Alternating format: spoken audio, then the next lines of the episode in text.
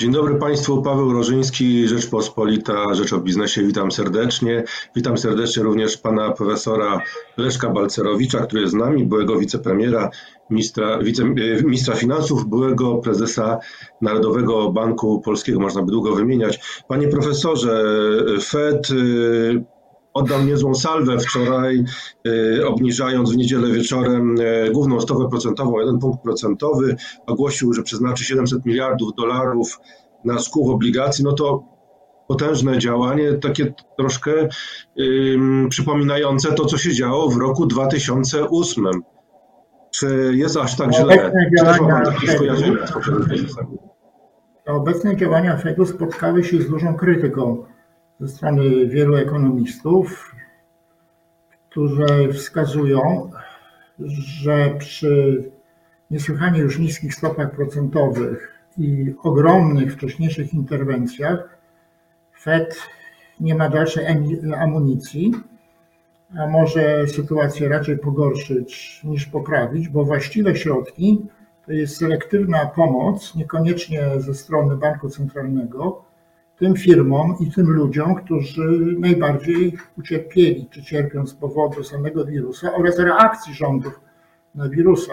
Więc chciałem podkreślić, że są bardzo duże wątpliwości odnośnie zasadności interwencji Fedu, natomiast nie może być żadnych wątpliwości co do tego, że małpowanie wątpliwych interwencji zachodnich banków centralnych w warunkach polskich byłoby lekarstwem gorszym od choroby, bo są zasadnicze różnice. Po pierwsze, e, na Zachodzie mamy bardzo niską inflację, a my mamy inflację, która przyspiesza i sięga niebawem może sięgnie 5%. W efekcie tak zwane realne stopy procentowe w Polsce, to znaczy takie z potrąceniem inflacji, są głęboko niskie i być może jedne z najniższych w ogóle w świecie. Dalej, Fed nie musi się obawiać tego, że jak zredukuje stopy, to dolar się osłabi, bo on właściwie pewnie w skrycie do tego dąży. To jest tak zwana competitive devaluation. My mamy zupełnie inną sytuację. Jeżeli wskutek ewentualnego, moim zdaniem, nieuzasadnionego czy nieprzemyślonego naśladownictwa wątpliwych ruchów banków centralnych w Polsce złoty by się osłabił, to mogłoby podsycić inflację, która jest przecież za wysoka i ona się zaczęła, ta wysoka inflacja, znacznie wcześniej. Podobnie zresztą jak i spowolnienie gospodarcze. Zaczęło się znacznie wcześniej wskutek tego, że bonanza na zewnątrz się skończyła, a szkody wynikłe z wcześniejszej polityki PiSu dochodzą do głosu. Więc bardzo bym przestrzegał pana Glapińskiego i Radę Polityki Pieniężnej przed tego rodzaju ruchem. Dodam, że w dzisiejszej Rzeczpospolitej jest bardzo ważny, artykuł y, Janusza Jankowiaka, y, który niesie podobne ostrzeżenie. No tak, bo mamy w tej chwili wypowiedzi właśnie między innymi pana Glapińskiego, który, mm, które sugerują, że można by te stopy troszkę obniżyć, y, prawda? Tytułem do, A jak w medycynie trzeba dobierać, w polityce gospodarczej, podobnie jak w medycynie, trzeba dobierać środki do choroby. A to jest środek, mhm. który jest gorszy od choroby. Właściwe środki, wskazywane zresztą przez wielu przedsiębiorców i organizacji, to jest selektywna pomoc. E, dzięki i zresztą Związek Banków Polskich już coś zaproponował, co poszło zresztą na rachunek prezydenta Dudy i pana Glapińskiego. Panie profesorze, ale czy, czy obecne wydarzenia nie przypominają panu jednak trochę mm, roku 2008? Czy w tej chwili to niebezpieczeństwo jest nawet większe? Zagrożenie jest Na tej chwili określić. Mój pogląd na podstawie tego, co starałem się czytać, jest taki, że jest mniejsze niż wtedy, bo tam, tam mieliśmy do czynienia z załamaniem najbardziej newralgiczną częścią współczesnej gospodarki rynkowej, a mianowicie sektorem finansowym. To załamanie zresztą wynikło głównie z błędnej wcześniejszej polityki państw, ale y, miało głębokie skutki. Tym razem oczywiście nie wiemy, jak dalej się to epidemia rozpowszechni, ale przy dominujących w tej chwili przewidywaniach ona powinna prędzej czy później wygasnąć i ona uderza w inne sektory głównie, jak wiemy, a mianowicie turystyka, y, transport, y, i takie, które są związane bardziej z usługami. I na takie sektory i te firmy, które najbardziej ucierpiały i ludzie, pracowników tych firm należy położyć nacisk w selektywnym, powtarzam, działaniu i mam nadzieję, że obecny rząd e, nie ogłosi ex swoich propozycji, tylko będzie je głęboko konsultować z ekspertami ze środowisk gospodarczych. Najlepiej, żeby powstała robocza grupa, do której e, organizacje przedsiębiorców by delegowały swoich najlepszych specjalistów. Doszło do mm, przerwania wielu łańcuchów dostaw. Czy tutaj jest, y, panie profesorze, poważne niebezpieczeństwo, oprócz tych kilku branż najmocniej dotkniętych, o których pan wspomniał? Tak, i to Czy tutaj mamy wiemy, że chodzi o Chiny i dlatego uważnie się obserwuje, co się w Chinach dzieje.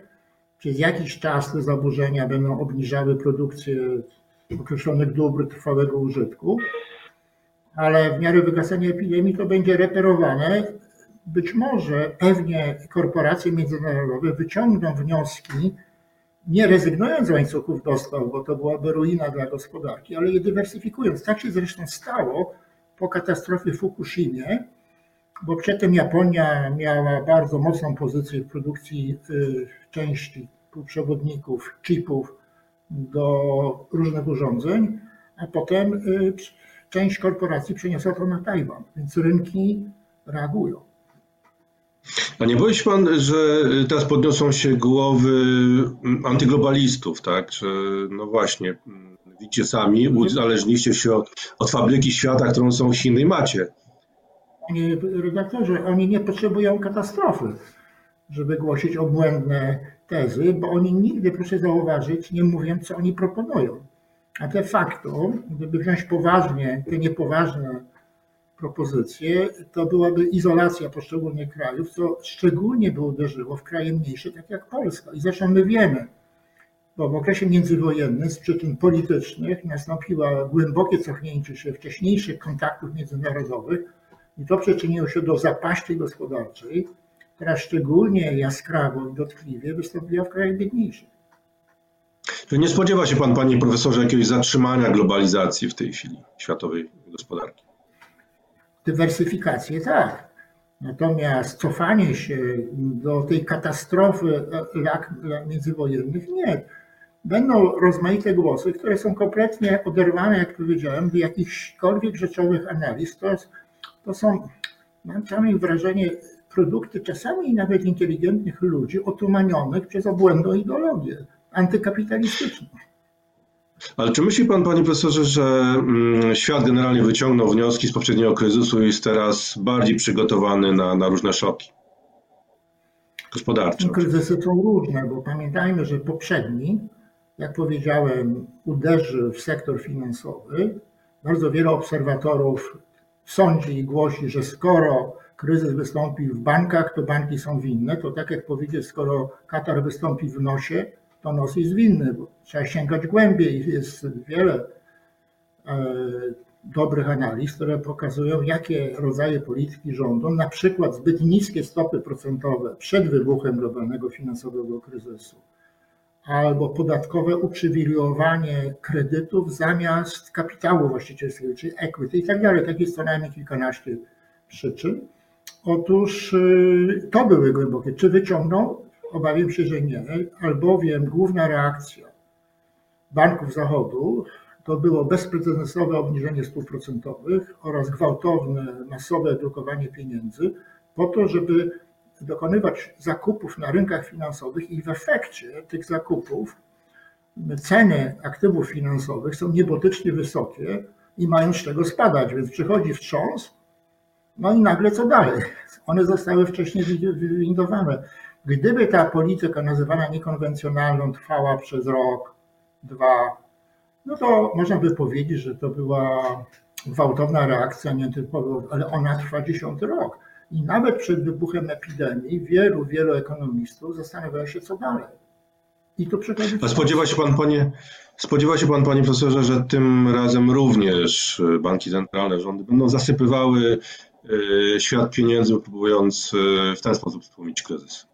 I czy to w ogóle może coś dać teraz, kiedy rządzi strach?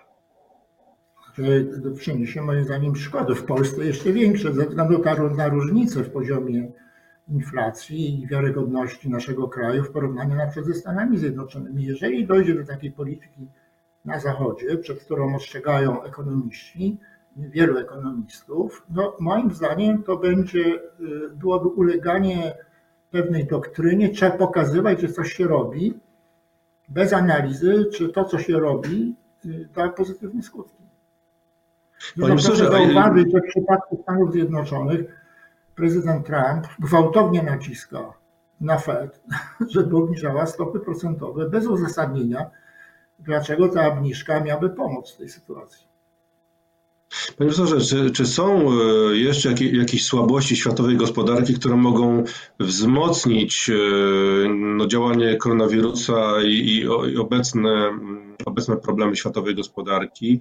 Albo inaczej, czy e, jakie przyczyny Pan potencjalnie widział, jeśli, jeśli chodzi o możliwy przyszły kryzys? Bo na pewno Pan to rozważał w ostatnich latach. Co może być tym kolejnym wstrząsem, szokiem? Co pan obstawiał? To chyba pandemii się pan raczej nie spodziewał, nikt chyba się tego nie spodziewał. Ale wielu innych ekonomistów, którzy zresztą publikowali od czasu do czasu swoje ostrzeżenia, wydaje mi się ślad za tymi analizami, że największym, jednym z największych zagrożeń jest fakt, że wskutek uprawiania tej polityki bardzo łatwego pieniądza przez 10 lat, zadłużenie w świecie wzrosło do gigantycznych rozmiarów.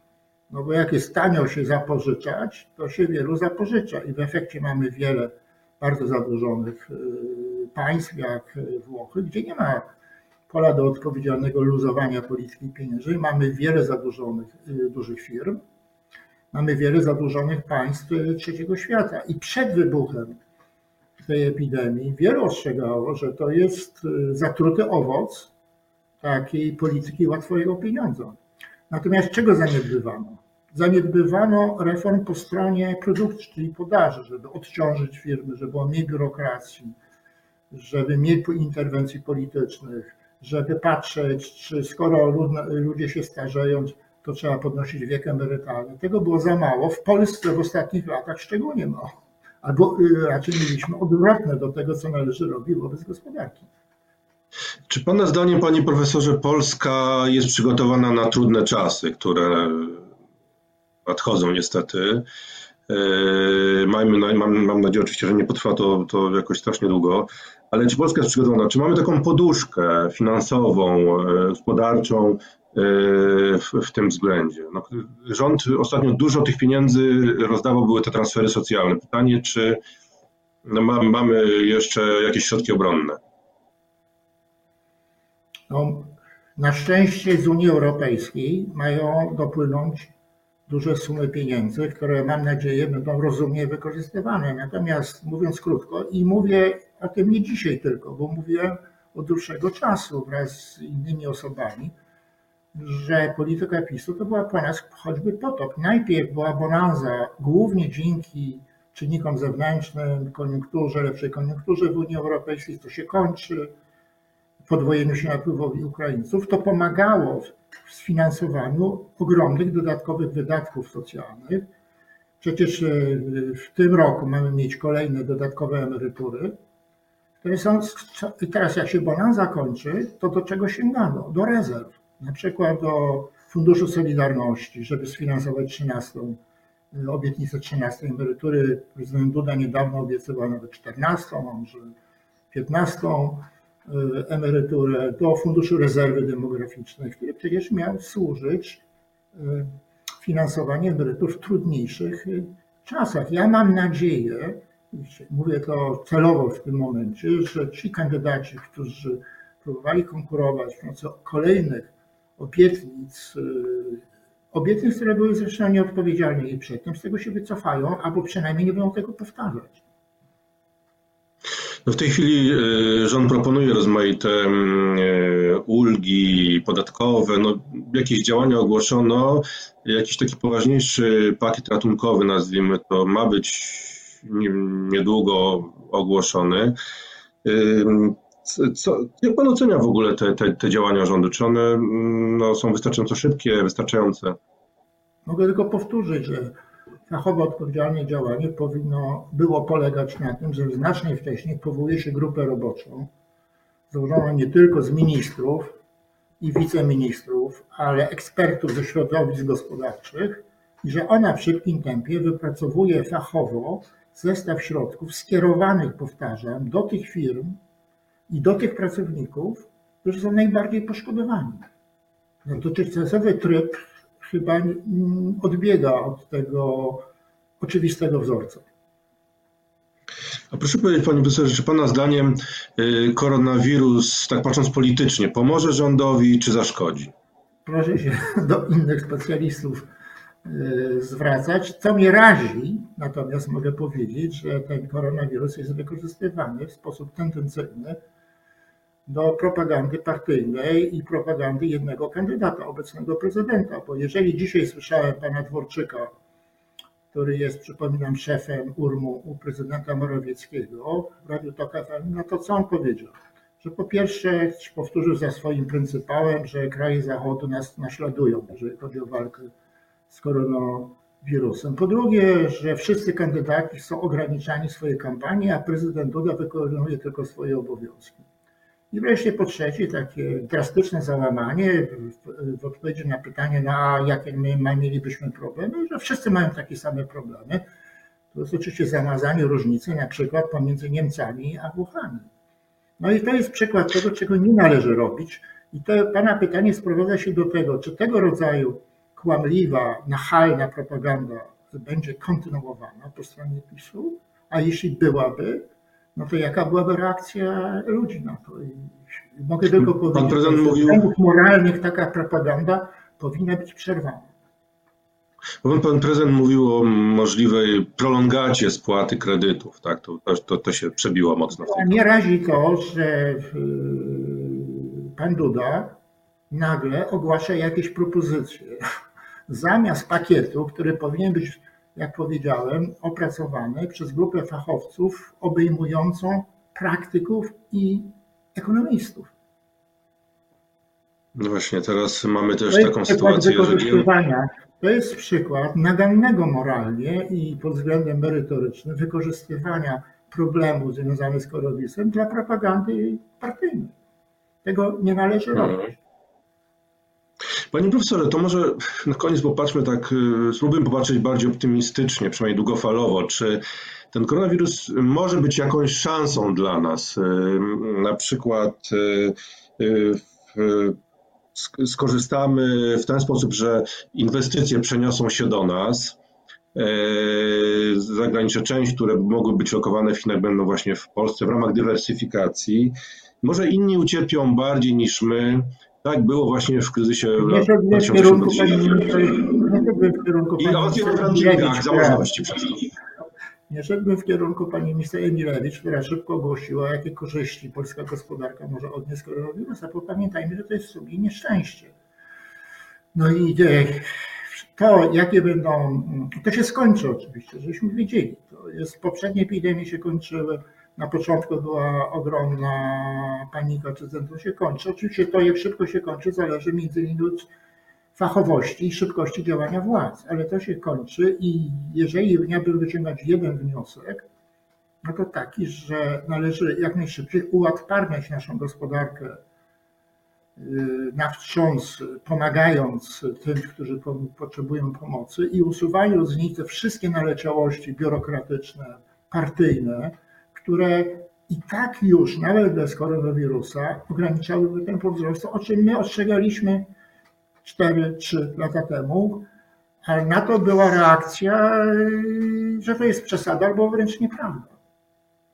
Więc jeżeli możemy mówić, żeby wykorzystać, ale nie w sensie negowania tego nieszczęścia, to jak najszybciej poprawić otoczenie dla polskiej gospodarki, co obejmuje również wymiar sprawiedliwości które w tej obecnej formie, zwłaszcza prokuratura, jest nie tylko gwałci prawa człowieka, ale również jest producentem ogromnej niepewności wobec firm.